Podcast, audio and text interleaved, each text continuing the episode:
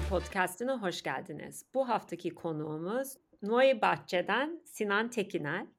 Sinancım hoş geldin podcast'imize. Merhaba, hoş bulduk. Şimdi Sinancım önce Noe Bahçe'nin nerede olduğunu ve kaç senesinde kurulduğunu öğrenmek istiyoruz senden. Tamam. Noe Bahçe adında da olduğu gibi bahçe aslında. Noe Bahçe Manisa'ya bağlı Salihli'de Delibaşlı köyünde ana merkezimiz. Ee, şu anda genel anlamda sadece badem bahçemiz var. Badem ekiyoruz. Badem hasatı yapıyoruz. 2016 kışında açık kök olarak diktik ilk fidanımızı. Ondan sonra da her sene üstüne koya koya gitgide ekmeye devam ettik. Şu anda yaklaşık bir 600 dönüm civarında bir badem bahçemiz var. Peki hep mi badem ağaçları hep var mıydı orada? Yani şöyle e, Ege bölgesinde zaten genel anlamda birçok yerde badem ağaçları var. E, bizim bölgede de badem ağaçları var. Bazıları verimli, bazıları verimsiz. Çok eskiden kalma badem ağaçları da var. Yani badem ağacı genel olarak Akdeniz ikliminde çok rahat yetişen bir ağaç cinsi olduğu için e, Ege'de buna uygun. Peki bu mesela sanırım e, avokado mesela 1970'lerde bunu daha çok arge olarak getirtmişler e, tohumlarını Antalya ve civarda ekmişler. Bakmışlar Türkiye iklimine göre uygun mu? Badem her zaman Türkiye'de yetişen bir şey miydi? Endemik mi badem Türkiye'ye? Yani badem aslında e, çok eskiye dayandığında Çin'den gelen bir bitki bakınca. E, ama Türkiye'de yani çok uzun yıllardır olan bir ağaç badem. Ya Türkiye'de neyin olup yetişip yetişmeyeceği tamamen aslında denemek lazım. Ben birkaç sene evvel tamamen kendi meraktan Amerika'dan tef tohumu getirip tef ekmiştim mesela. Tef için işte kuru yer gerekir. Türkiye'de olmaz demişlerdi. Gayet de olmuştu. Hatta su vermene gerek yok demişler tef için. Ben fazla sulamıştım denemek için.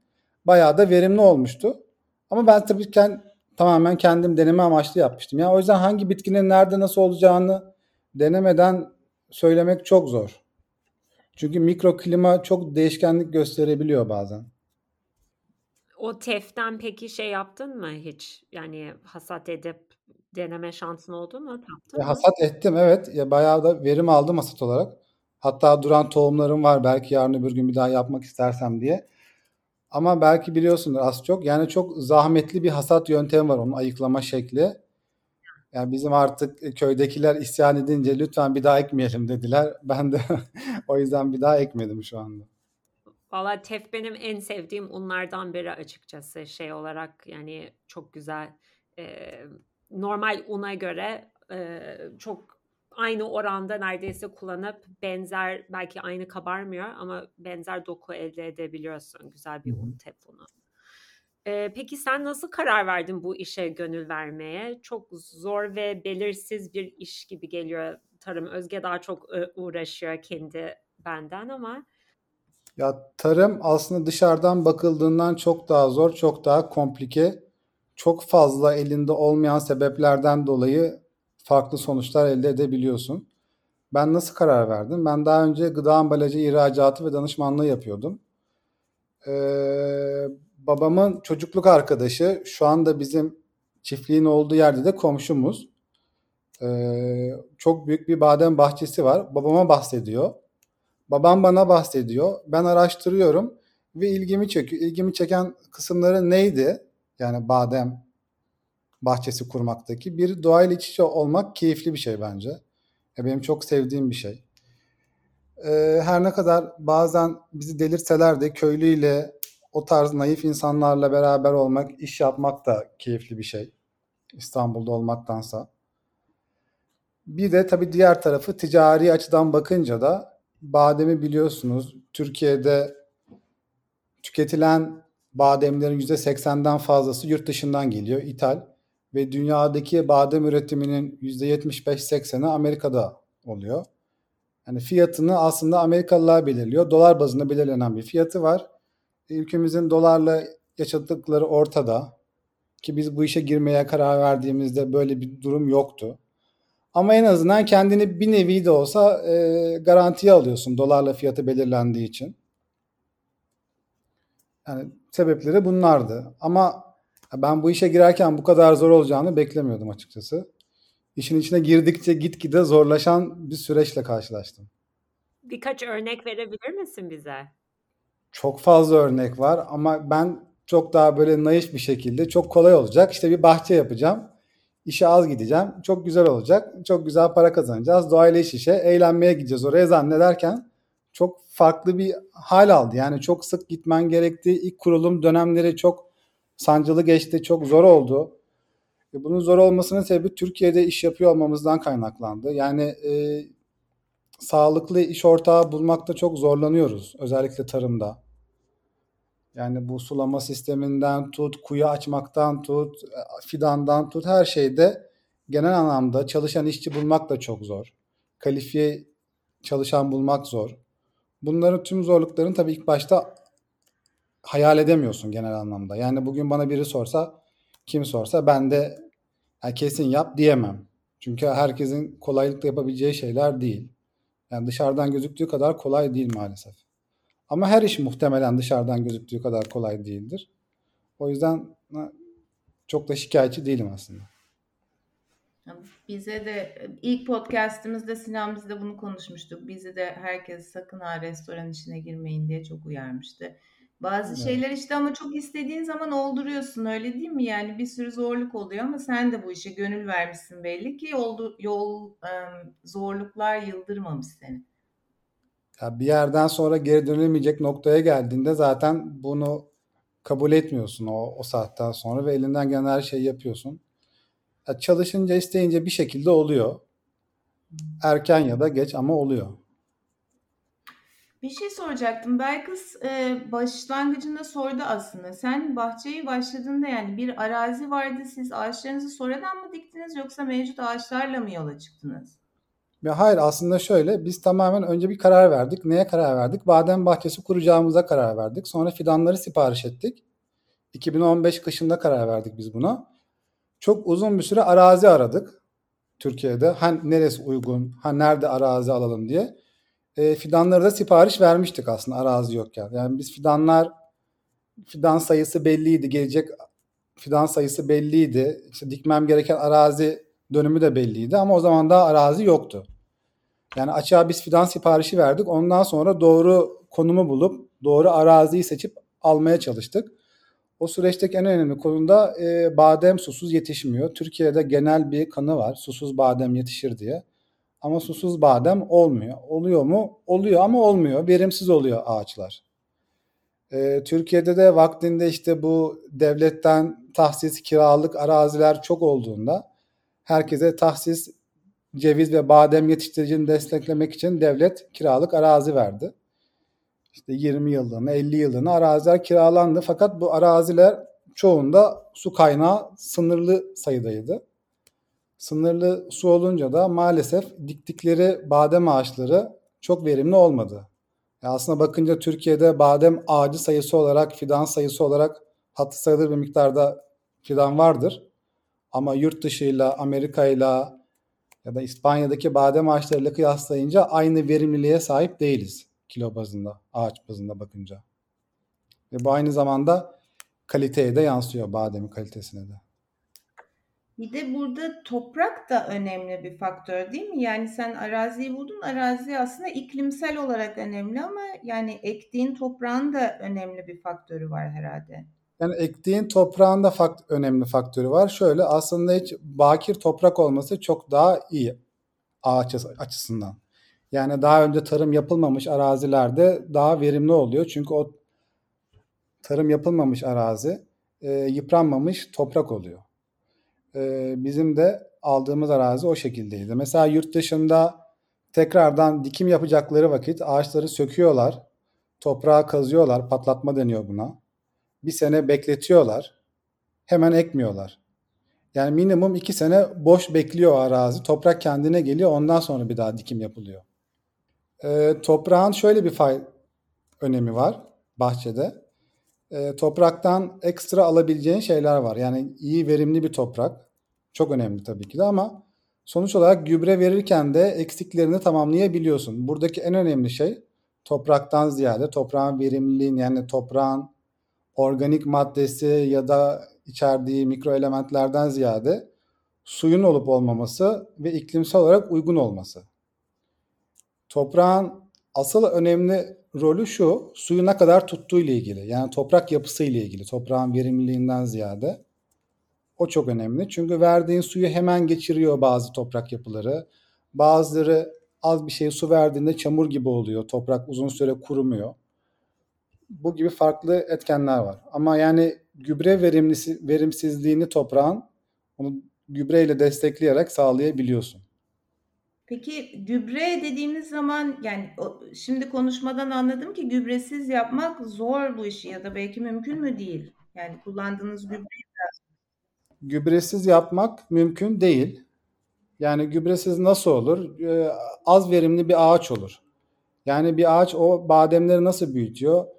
Ee, ağacın gövdesi aslında damarları gibi düşünün. Ve oradan aldığı suyu, suydan aldığı gübreyi, besin değerlerini bademe veriyor ve bademler büyüyor. Gübresiz verdiğiniz bademlerin bademin besin değerleri bile daha düşük çıkar gübreliğe göre. Burada önemli olan doğru gübreleri vermek, fazla vermemek ve kaliteli gübre vermek. Çünkü her gübrenin kalitesi aynı değil maalesef. Peki siz nasıl gübre tercih ediyorsunuz? Ya biz nasıl gübre tercih ediyoruz? Biz mümkün olduğunca dolgu maddeleri daha kaliteli olan ithal gübreleri kullanmaya çalışıyoruz. Çünkü maalesef yerli gübrelerdeki dolgu maddelerinin daha dolgu maddesinin çoğu tuz oluyor.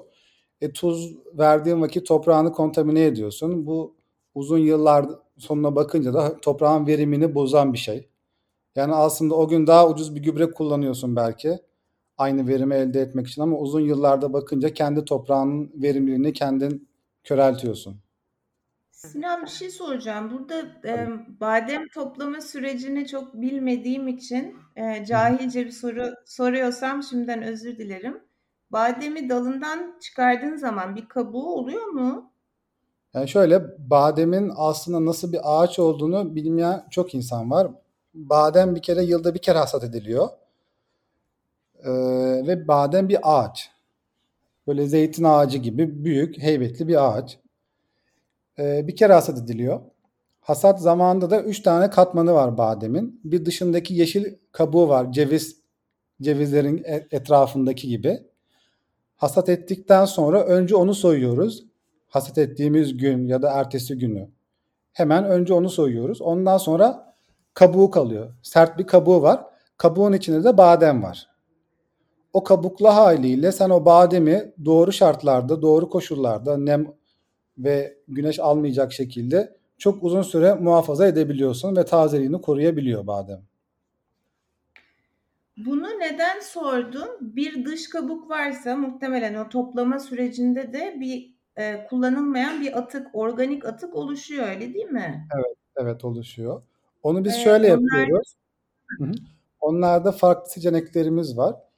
O dış kabuğundaki yeşil yani kabuğunu hayvanlar çok seviyor. Ya onu büyükbaş hayvan olanlar çok talep görüyor. Küçükbaş hayvanlar, e, tavuklar o şekilde kullanılıyor. Aynı zamanda biz bunları daha sonra bademleri kırdığımızda sert kabuklarıyla dış kabuklarını karıştırıyoruz. Bunu kompost gibi harmanlayıp bekletiyoruz bir yerde. Onu beklettikten sonra arazide ağaçların arasına atıyoruz, seriyoruz. Bu organik madde olarak bu o iki kabuğun karışımı solucanlara çok güzel yuva oluyor ve solucan gübresi elde ediyorsun uzun vadede ve aynı zamanda da organik madde oluyor. Yani senin besin için verdiğin tüm o gübreler, vitaminlerin hepsi bir nevi bir şekilde toprağından tekrar sana geri geliyor. Aslında tam da bunun için sormuştum. Yani kendi gübrenizi de kendi hasatınızı oluşturabiliyorsunuz aslında. Ne kadar güzel bir ekosistem kendi içinde. Yani gübre demeyelim de organik madde olarak e, bahçeyi zenginleştiriyor.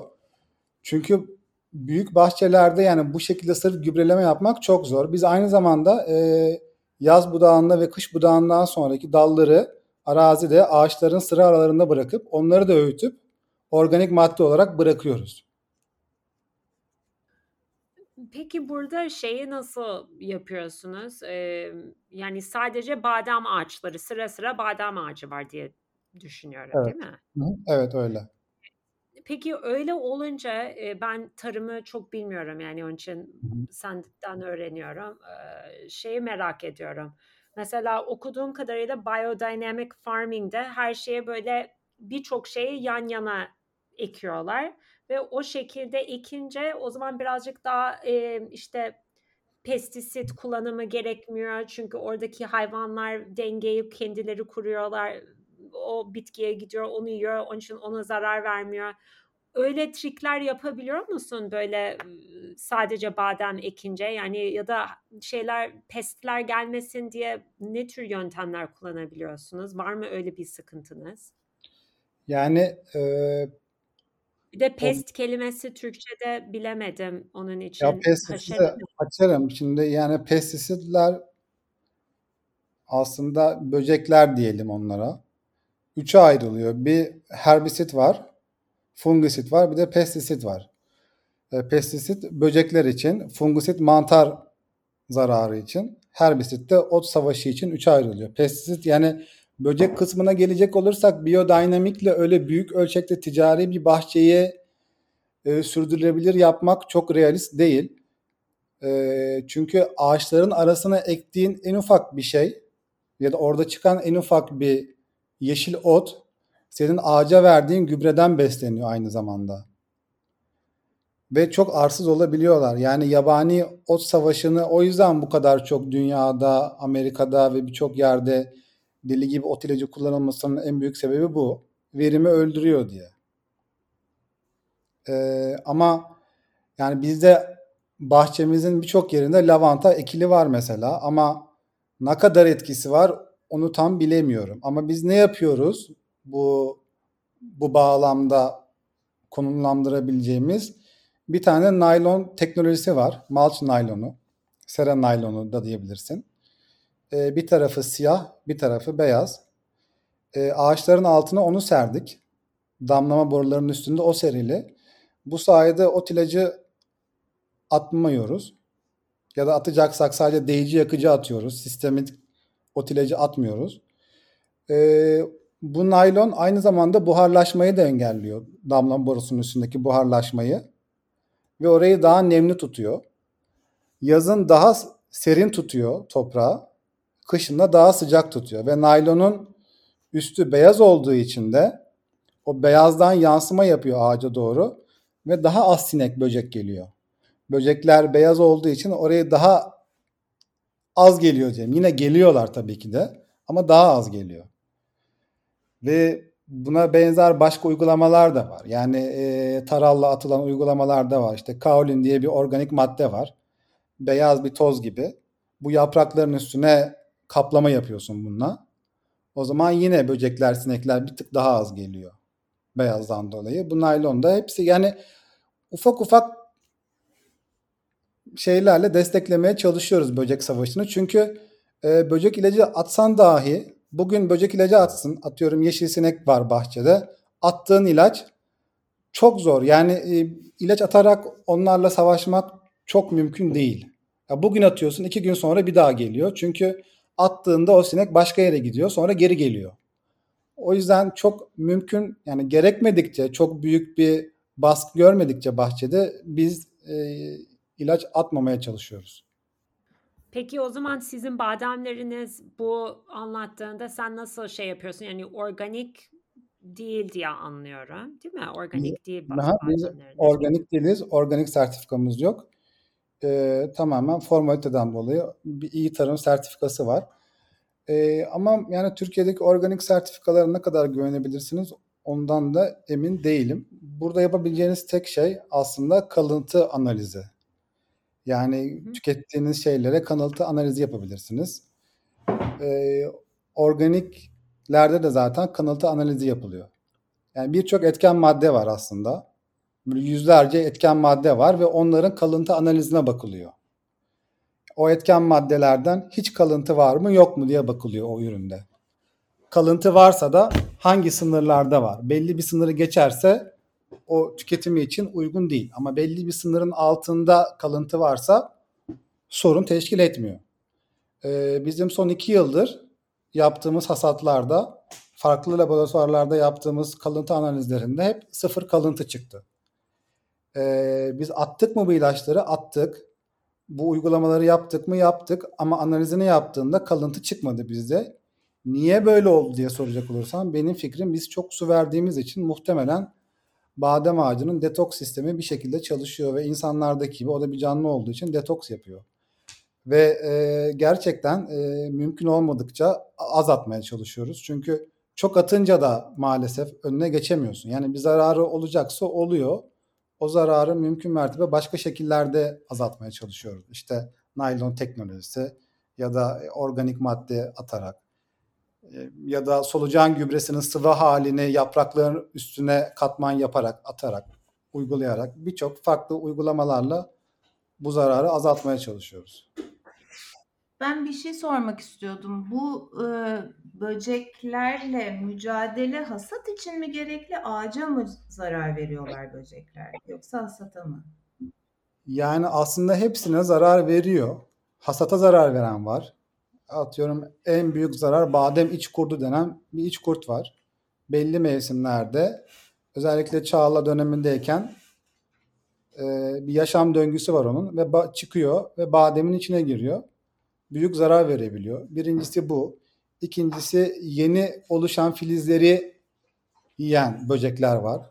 Yeni filiz oluşurken onu bir anda kestiğinizi düşünün. Bu yeni filiz oluşmuyor. Yeni filiz oluşmazsa ne oluyor? Bir, ağaç büyümüyor. İki, seneye ya da ondan sonra senedeki hasatını da etkiliyor bu senin. Ee, onun dışında ağacın fotosentezini etkileyen böcekler var. Onlar ne yapıyor? Onlar da yaprakların suyunu emiyor. Yaprakların suyunu emince ne oluyor? O yaprağın fotosentez etkisi gitgide azalıyor ve yaprak kuruyor en sonunda. Ne kadar az yeşil aksam olursa ağaçta o kadar az fotosentez oluyor, o kadar az gelişim oluyor. Yani aslında bakınca birçok şey oluyor. Başka daha farklı zararları olan böcekler de var. Yani e, komple ağacı öldürmeye kadar, kökünü çürütmeye kadar götüren. Ya bunların hepsinin e, belli bir mantık çerçevesinde kontrol edilerek bir ilaçlama yapılacaksa da eğer gerekliyse yapılması lazım. Bir tane gördüğün vakit yapmamak lazım. Yani bir tane gördüğünde değil de gerçekten hani bahçe genelinde çok yoğun şekilde görüldüğünde uygulama yapmak lazım bunu. Çünkü bir tane görerek uygulama yaptığınızda 3 gün sonra diğerleri de gözükmeye başlıyor. Bu sefer ilk yaptığınız uygulama bir işe yaramamış oluyor. Hem para kaybediyorsun hem sonra bir daha uygulama yapman gerekiyor. Boşuna ağaçlara toksik madde yüklüyorsun gereksiz. Peki şeyi merak ediyorum. Sen bunu okuma yani okumadın buna ama hiç eğitim aldın mı bu konu için? Yani bunun eğitimini almadım. Tamamen okuyarak, araştırarak bir tane İspanyol danışmanım vardı. Ona sorular sorarak, öğrenerek birkaç sene içinde mecburiyetten uzman hale geliyorsun. Çünkü uzman hale gelmezsen işte sıkıntılar yaşıyorsun. Ben de ilk senemde bir parselimde çok büyük sıkıntı yaşamıştım bir böcekle ilgili. Ne yapacağımızı bilememiştik. Yani ağaçları bayağı bir sene, bir buçuk sene gelişimini köreltmişti. Ama artık onu da öğrendik mesela. O böceği gördün mü ilaçlama yapamıyorsun. Mesela bazı böcekler var. İlaçla da ölmesi çok zor. E, pet şişeyi alıyorsun, içine topluyorsun. Ve toplamazsan da bu böcek e, ağacın gövdesinden giriyor, yumurtalarını bırakıyor, köklerine kadar zarar veriyor ilerleyen yıllarda. Ve bunların da işte görünme belli cycle'ları var. Genelde sezon başı oluyor. Nisan'da, Mart'ta. O dönemde belli bir nem oranına geldiğinde vesaire düzenli olarak kontrol edip onun çıkıp çıkmadığını kontrol edip topluyoruz. Böcekler de çok akıllı arkadaşlar. Hatırlar mısın belki ben şeyden İzmir'den o zaman biz bu kadar bilmiyorduk Sinan sen de anlatıyorsun ya yolda öğreniyorum bazı şeyleri yapa yapa diye. Biz de hadi organik tarım falan e, işte dükkanımızın bütün meyve sebzelerini biz organik ya da iyi tarım sertifikalı yerlerden alıyoruz tanıdığımız üreticilerden ama biz kendimiz de böyle küçük bir bahçemiz vardı.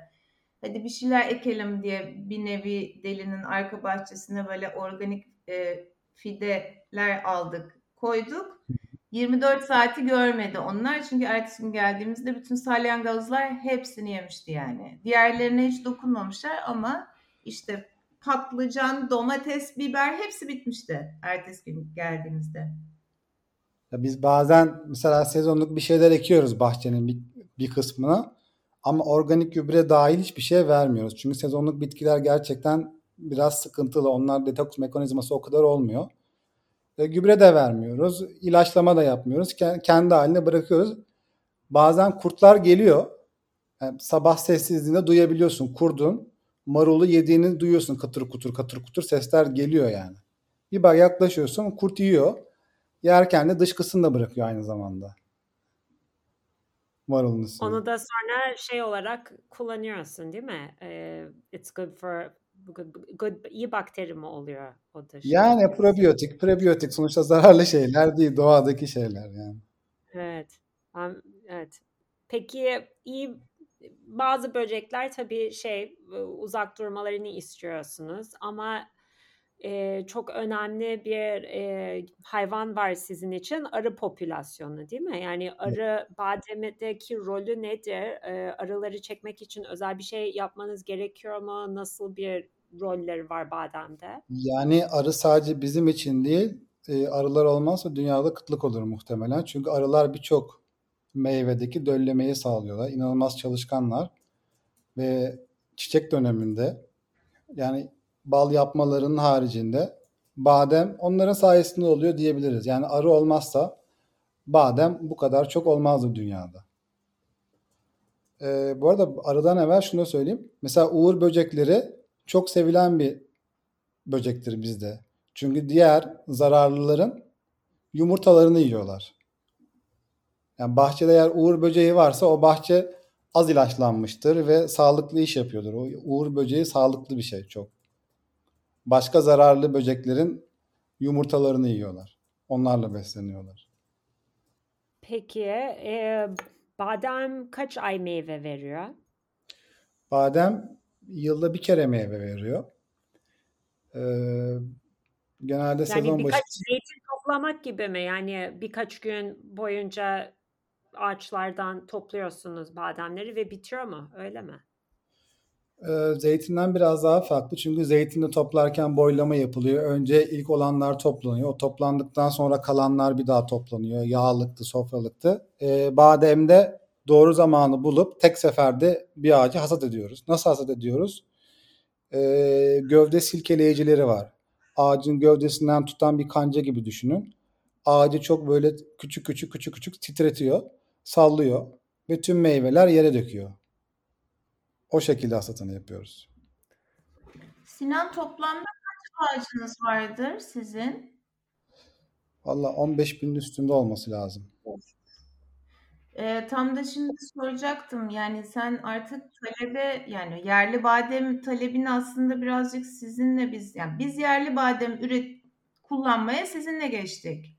Evet. Ee, bir noktada artık Türkiye'deki talebi gelen bütün talebi karşılayabilir durumda mısınız? Ee, yok mümkün değil. Yani Türkiye'de çok büyük bir badem talebi var. Ve Türkiye'de tüketilen bademlerin %80'i belki daha fazlası yurt dışından geliyor. Bunlar da resmi olarak bilinenler. Ee, bu tabi resmi olmayan rakamlar da var bunun içinde. Çünkü bir kuru yemişçiye gittiğinde biri yani yerli bir çiftçi kuru yemişçiye badem satarken her zaman bir fatura alışverişi olmuyor. Fatura alışverişi. Ya da bir kuru yemişçi başkasına satarken her zaman bir fatura alışverişi olmuyor. Yani bu resmi rakamlar bu şekilde. Ee, ama aslına bakarsanız Türkiye'de bayağı bir gitgide artan bir badem üreticisi var e, okumuş, etmiş, bilgili, ilgili badem üreticileri gitgide artıyor. Ama işte markalaşıp marketlere girmek çok zahmetli ve zor bir iş. Ee, Türkiye'deki sıkıntı şu maalesef yani bir marka yapmak için kimseye anlatamazsın. Şimdi benim bademim bitti, satacak bademim kalmadı dediğinde markete, aa olur mu canım beni ürünsüz bıraktın diyecek. Ama anlatamazsın ki ben bu işin ticaretini yapmıyorum. Ben üretiyorum, satıyorum. Yani bu tarz destek göremezse Türkiye'deki üreticiler her zaman böyle e, lokal markalar kalır. Yani bizim aslında bu ticaret yapmadığımızı, tamamen ürettiğimizi ve ürettiğimiz ürünlerden badem türevli ürünler yapıp üretip sattığımızı kabul etmesi lazım insanların. Yani biz 12 ay tedarik veremeyebiliriz her zaman. Ama 12 ay tedarik verebilecek şekilde elinden geldiğince ayarlamaya çalışıyorsun ki insanlar mağdur durumda kalmasın. Atıyorum ben size gelip de yarın ya benim badem bitti desem çok hoşunuza gideceğini düşünmüyorum. Ama yani onu düşünüyordum şimdi. Yani biz sonuçta o kadar çok mevsiminde tüketmeye alıştık ki değil mi Özge yani seneler içinde. Dolayısıyla yani sen desen bize tamam bademli badem unu badem veremeyeceğim bitti desen biz ondan sonra başka bir şey yaratırız değil mi Özge? Doğru. Yani bu şey daha sürdürülebilir bir üretimi destekleyecek bir karar olursa her zaman arkasında durmaya çalışıyoruz biz. Bademdeki en büyük avantaj bademin sert kabuğundan ötürü e, saklama koşulları çok uygun şekilde saklarsan çok uzun süre tazeliğini koruyabiliyor. E, biz zaten tüm bademleri tek seferde kırıp da saklamıyoruz.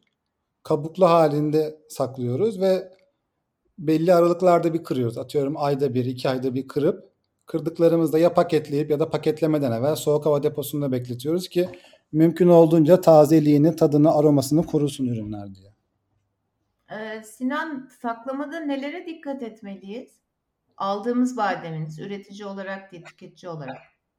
Ya tüketici olarak tek dikkat etmeniz gereken şey güneş ışığının altına koymamak. Güneşin altında paketi bekletirseniz e, çok çabuk bozulma olur. Oda sıcaklığında bekletmeniz yeterli ama buzdolabında da bekletebilirsiniz. Biz de e, seninle tanışmadan önce biz de birçok insan gibi Kaliforniya bademi kullanıyormuşuz. Evet. E, ve onu araştırırken şeyi bir kez fark yani görmüştüm ki e, Kaliforniya bademleri bir işlenme sürecinde e, de chemically yani kimyasal şekilde buhar görüyorlar değil mi? Böyle bir ee, şöyle bir şey, Kaliforniya'daki Kaliforniya'da 2000'li yılların başında salmonella outbreak oluyor, salgını oluyor. Bir bakteri. E, bundan dolayı insan öyle de bilir, düşük ihtimalde olsa. Birçok rahatsızlık verebiliyor. Bundan ötürü ve Kaliforniya toprağının %10'unda salmonella bakterisi olduğunu tespit ediyorlar ve araştırınca bu bademe kadar uzanıyor. O yüzden şu an Amerika'da Kaliforniya eyaletindeki badem üretilen bademlerin hepsini pastörize etmek zorunluluğu var. Yasal olarak Amerika çiğ badem satamıyor. Kendi ürettiği bademi çiğ olarak satamıyor markete. Ama yasal olarak da çiğ satmadığı bademi çiğ diye satabiliyor. Yani burada garip bir durum var. Çiğ badem satmıyor ama çiğ badem diye satıyor bademi. Ee, bunu ha, çiğ pastör... badem değil ama çiğ olarak satıyor. E tabii çiğ badem olmuyor artık. Sen bir sürü bakteri öldürüyorsun. Salmonella'yı öldürürken sağlıklı bakterileri de öldürüyorsun aynı zamanda. Yani bunun bir ucuz versiyonu var, bir de pahalı versiyonu var. Pahalı versiyonu işte buharla pastörize etmek. Ee, yüksek ısı kısa sürede. E bunun ucuz versiyonu ne? ilaçla yok etmek bunu. Ama her halükarda çiğ olmuyor. E, bir de bunun üstüne o ürünler Amerika'dan buraya gelirken yolda konteynerda işte bir sürü ilaçlama oluyor. Sonra buraya geldiğinde vesaire. Yani onun takibi çok zor ama zaten Amerika'da böyle bir durum var. Hatta Amerika e, İspanya'dan badem ithal ediyorlar. Çiğ olarak satmak için. Yani İspanya'dan İspanya'dan ithal edip çiğ badem satabiliyorsun ama kendi Amerika'daki Kaliforniya'da yetişen badem çiğ olamıyor mu? Doğru mu anladım? Kaliforniya'daki çiğ diye satıyor ama çiğ değil aslında ve insanlar artık bunu öğrendi. Ama İspanya'da ya da Türkiye'den aldığı bademde salmonella olmadığı için yani toprağında öyle bir risk olmadığı için o bademi alıp çiğ olarak pastörize etmeden satabiliyor. Amerika'da e, bir bahçeye gidip bir avuç badem alabilirsin çiğ ama bir avuçtan daha fazla e, pastörize etmeden bir şekilde ilaçlamadan onu sana satma hakkı yok yasak. Yani orada ee, organik bademleri bile pastörize etmek zorundalar yani yasal olarak. Ben de bir peynir uzmanından bir ders almıştım. E, Vancouver'da Karen McCarthy diye bir e, çok önemli bir kadın. E, o da İspanya'dan çok büyük bir e, sipariş vermiş badem siparişi. Ama sonra e, devlet onun onu kullanmasını yasaklamıştı Kanada'daki e, yetkililer. Herhalde bu salmonella şeyinden dolayısıyla. E, Avrupa'da ya bildiğim kadarıyla salmonella yok ama yanlış bilmiyorsam bu geçenlerde bir çikolata fabrikası ürünlerini toplatmıştı. E, Ferrore'ydi sanırım. O, onlarda da salmonella çıkmış ama nereden çıktığını bilmiyorum. Ve e, ya dikkatli edilmesi gereken bir bakteri salmonella. Özellikle küçük çocuklar için. Peki senin bademlerin herhangi bir işlemden geçiyor mu şey? Yani sen pastörize etmiyorsun diye anlıyorum. Ya pastörize etmiyoruz. Biz analizini yapıyoruz. Bakıyoruz yani bugüne kadar salmonella çıkmadı ya da aflatoksin çıkmadı. Ee, doğru koşullarda saklarsan ve toprağında bir bakteri yoksa bir sıkıntı olmuyor. Ee, biz ne yapıyoruz? Bademleri kırıyoruz. Yani biz o tarz bir işlemden geçirmiyoruz. Fümigasyon yapmıyoruz. Amerika'dakiler fümige ediyor işte. Bu ilaçlıyorlar. Ya ben Amerika'ya gittiğimde böyle bir yığın badem var. Üstünü naylonla kapatıyorlar. Alttan gazı basıyorlar. ilaçlıyorlar. Ve o şekilde sevk ediliyor. Pardon o zaman Türkiye'de satılan e, Kaliforniya bademleri de mi aynı şekilde işlem görmüş oluyor? Kaliforniya bademi evet yani öyle işlem görüyor. Yani menşei Amerika ise öyle. Hani tercihen menşei Avustralya olanları almayı tercih edebilirsiniz yani marketten alıyorsanız. Yani Amerika menşei. Amerika gibi? Yok İspanya değil öyle de İspanya genelde yok çünkü İspanya'nın e, adetleri düşük. Yani Türkiye'de marketlerde de çok fazla marka yok zaten. Ve onların sattığı tüketim adetleri çok fazla satıyorlar. Yani sırf Türkiye değil Avrupa'da da birçok yere satıyorlar. O yüzden yani onlarınki daha farklı bir durum. Onlar ticaretini yapıyor bu işin. Belli bir tonajları var. Hep aynı kaliteyi aynı tonajda elde etmeleri lazım. Yani onları da anlıyorum. Amerika iki tane mail atıyor. Hop oradan gönderiyorlar bir konteyner. Badem istediği her an var yani elinin altında o şekilde. Peki şey tonaj dedin demin de yani belli ya, tonaj... bir Hayır yani şey aklıma geldi de şimdi iklim krizinden dolayısıyla hep şey haberler görüyorsun. İşte Kaliforniya badem çiftçileri bu sene e, tarlasında badem ekemedi. Hatta suyu yetmediği için suyu tarlasının yarısına kadar kullanabildi. Ya da bazı badem çiftçileri badem yetiştirmekten vazgeçip kendi haklarına ona düşen su payını başkalarına satmaya karar veriyorlar. Yani benim hakkımı ben sana satayım. O daha karlı bile çıkabiliyormuş. Ya ben 2018'de gitmiştim e, en son Kaliforniya'ya. E, o zaman da bu konular vardı ve o zaman Kaliforniya eyaletinin suyunun %10'unu badem üreticileri kullanıyordu. Yani Kaliforniya eyaletinin %10'u çok büyük bir rakam aslında su tüketimi olarak. E, kuraklık o zaman da gündeme var, gündemde vardı. E, hala da gündemde var. Türkiye'de de kuraklık vardı geçen geçtiğimiz yıllarda ve her sene maalesef bir kuraklık durumu var. Bu sene de var. Yani bu sene çok yağışla geçmesine rağmen evet İstanbul'daki baraj doldu belki. Ama yani yılların verdiği kuraklık bir tane barajın dolmasıyla toprak altı kendi su kaynaklarını yenilemiyor her ne kadar yağmur da yağsa gitgide artan bir tarım tüketimi var. Yani tarımsal tüketim artıyor gitgide her sene. Daha çok kişi badem ağacı ekiyor ya da başka bir ağaç ekiyor, bitki ekiyor, bir şey ekiyor. İnsanlar artık susuz tarımın çok verimli olmadığını fark ettikçe daha çok su kullanmaya başlıyor.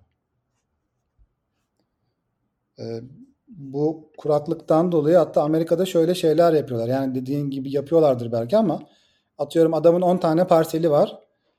10 e, parseli sulayacak suyu yok. Gidiyor bir parselini komple bırakıyor. Onu sulamıyor.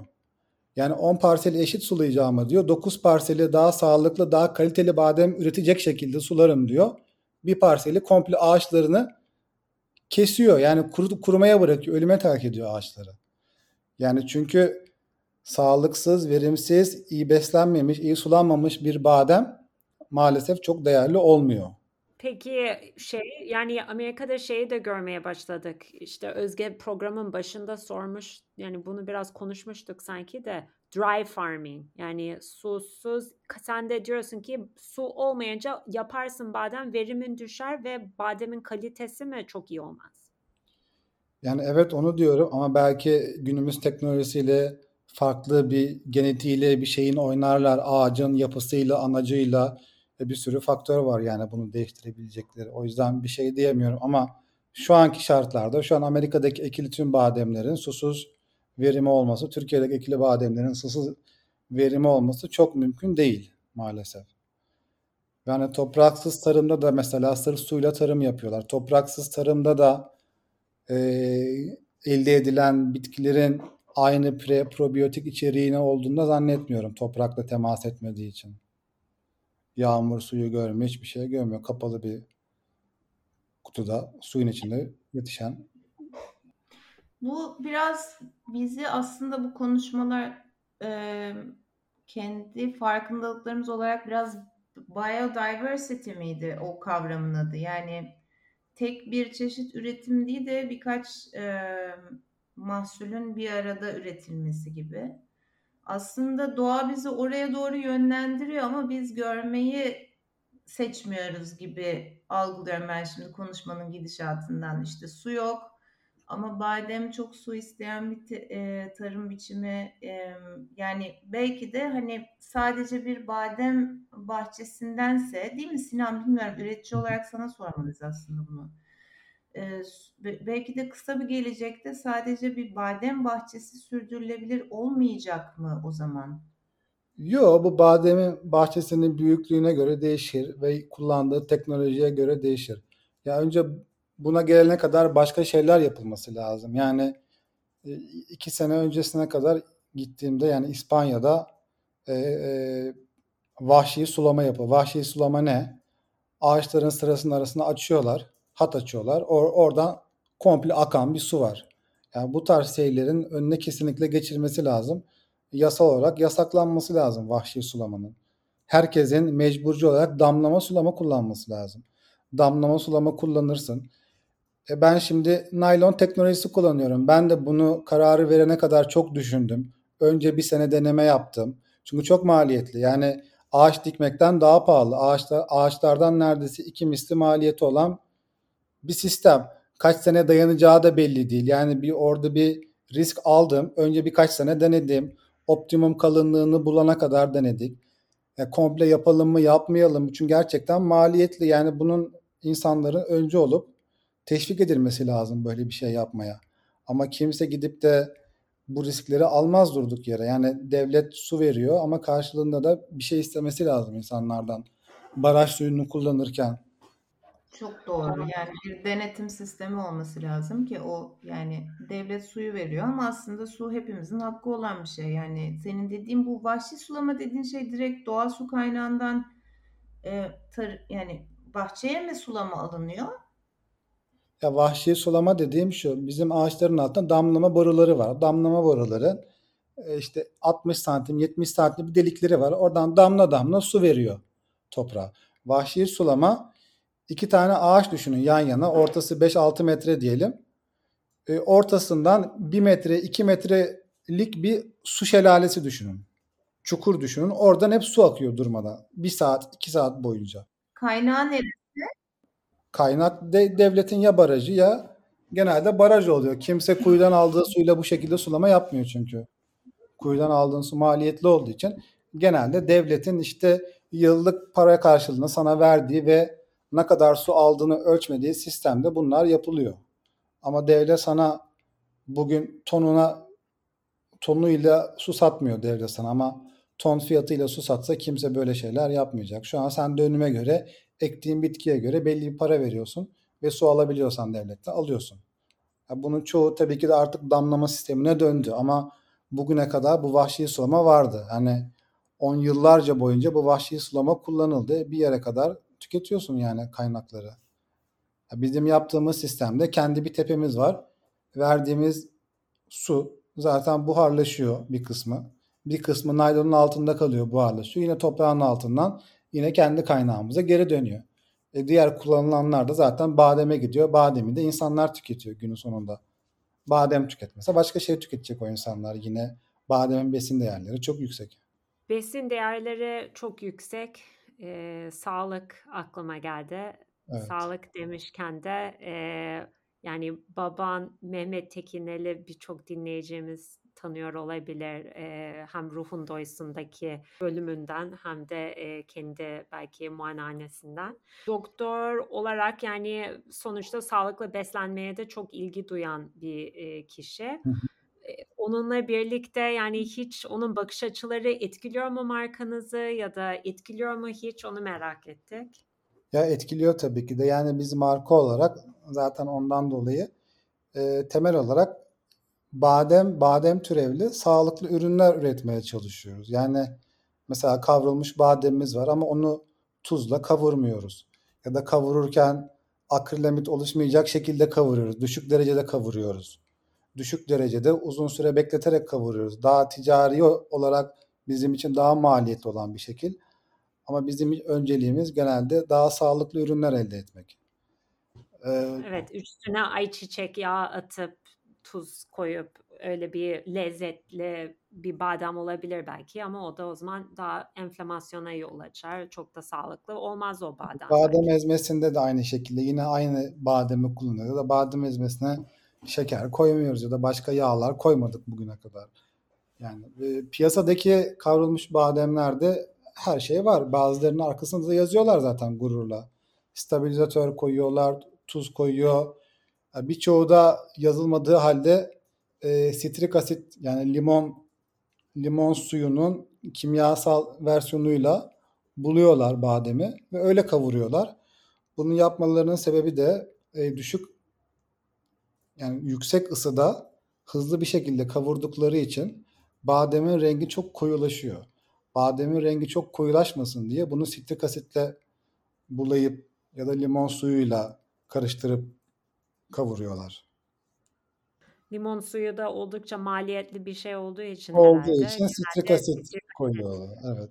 Ama tabii Peki. bunu bilme, anlama, analiz ederek bulma ihtimalin çok düşük. Ya ben bunu tamamen badem yetiştiriliğinden marka işine geçtikten sonra kendim kavrulmuş badem yapmaya karar verdiğimde işte sağda solda birkaç yerle görüşürken fason bana kavururlar mı diye araştırırken öğrendim. Yani tamamen konu konuyu aça aça.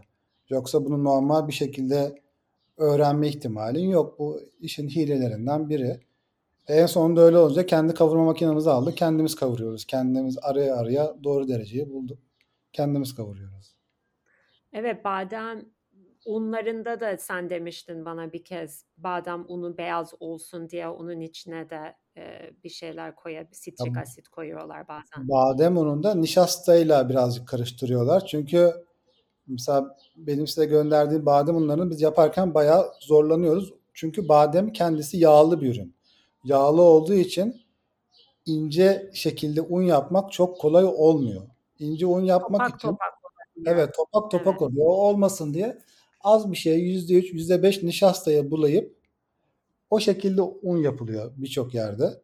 Yazmıyor genelde nişasta olduğu Yazmıyor da analize de çıkmıyor zaten. Yani bulman çok zor. Yani %3, %4 koyduğu bir şeyi analiz yaparken zaten yani binde birine bakıyorlar. O yüzden de ona erişemiyorsun.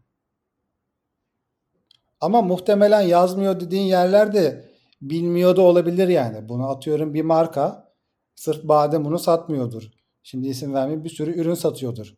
E bunun tek derdi badem unu satmak değil ki. Gidiyor oradan bir tüccarı arıyor. Bir badem satan bir tane kuru yemişçi arıyor.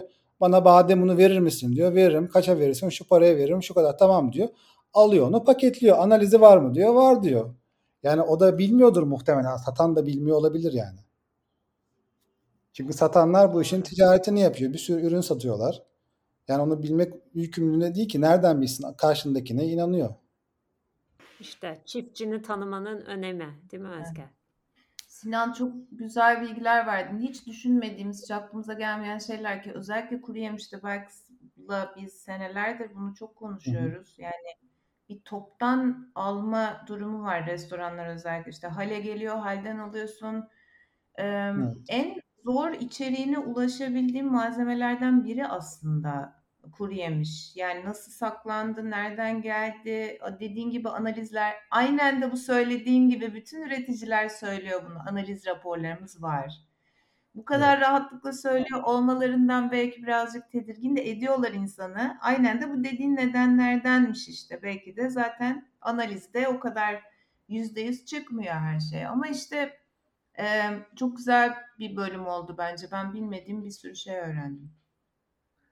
Bir son bir iki sorumuz var sana. Ee, bir tanesi e, siz şimdi makro center'lerde varsınız. Başka nerelerde bulabiliyoruz Noi ee, ürünleri? Şu an makroda tüm ürünler var. İşte badem sütü kapsülü, badem unu var, badem ezmeleri, çiğ kavrulmuş. Ee, bir de bazı Migros'larda çiğ ve kavrulmuş badem var şu anda. Bir de internet sayfamız var noibahçe.com. Orada satış yapıyoruz. Peki gelecek için ne tür planlarınız var? Ne tür şeyler, yeni ürünler ya da yeni ülkeler? Yeni ürünler niyetimiz var. Deniyoruz birkaç şey. Şimdi e, spoiler vermeyeyim ama çok zaman alıyor yeni ürün çıkarmak. Yani çok kolay değil çünkü çok fazla değişken var. Ve gerçekten hani bademden birçok ürünü elde edebiliyorsun ama hem sağlıklı olsun hem içeriğinin birçoğu badem olsun istiyorum ben. Çünkü yani benim asıl amacım kendi bademimi satmak. Yani içine %3 badem koyup da bademli diye bir şey satmak, alsat yapmak istemiyorum. E bunların hepsini bir arada yaparak da ürün çıkarmak biraz zaman alıyor. Ama var niyetimiz ama en yakında herhalde badem yağı çıkaracağız. Yani büyük şişede, yemekte. Badem yağı çıkarken belki başka bir şeyler daha çıkar. Bütün e, şeylerimize, misafirlerimize sorduğumuz bir tane sorumuz var. Onunla da e, bitirmek isteriz bu güzel konuşmamızı. E, neden bitki temelli neden şimdi? Yani Yani neden bitki temelli? Yani şu an bu işte karbon ayak izleri yok, eee, arabaların egzozu vesaire derken aslında en çok dünyayı zarar veren şeylerin başında büyükbaş hayvanların varlığı geliyor. Yani en büyük oksijen kaynağını tüketenler onlar aslına bakarsan. Eee işte birçok da araştırma var. Yani kırmızı et yemeyerek ne kadar daha sağlıklı olduğu vesaire. Hani belki vegan olunca çok sağlıklı olacaksın diye araştırma yok. Ama ne kadar daha az et yersen o kadar daha sağlıklı olacağını sindirim açısından e, birçok açıdan özellikle kırmızı et için var. E, alternatifleri de var. Yani badem var, başka bir sürü ürün var. Yani işte bunun en büyük örneği sizsiniz. Yani birçok ürün var, çok sağlıklı ve yemesi keyifli. Yani neden olmasın? Yani çok zor benim için tabii yüzde yüz vegan olmak. Ama yüzde herkes elinden geldiğince daha az hayvansal ürün tüketirse bence dünyanın ömrü daha uzun olur. Bugünkü konuğumuz Sinan Teknel'in Noy Bahçe markası hakkında daha fazla bilgi almak için noybahçe.com ya da Noy Instagram'da inceleyebilirsiniz.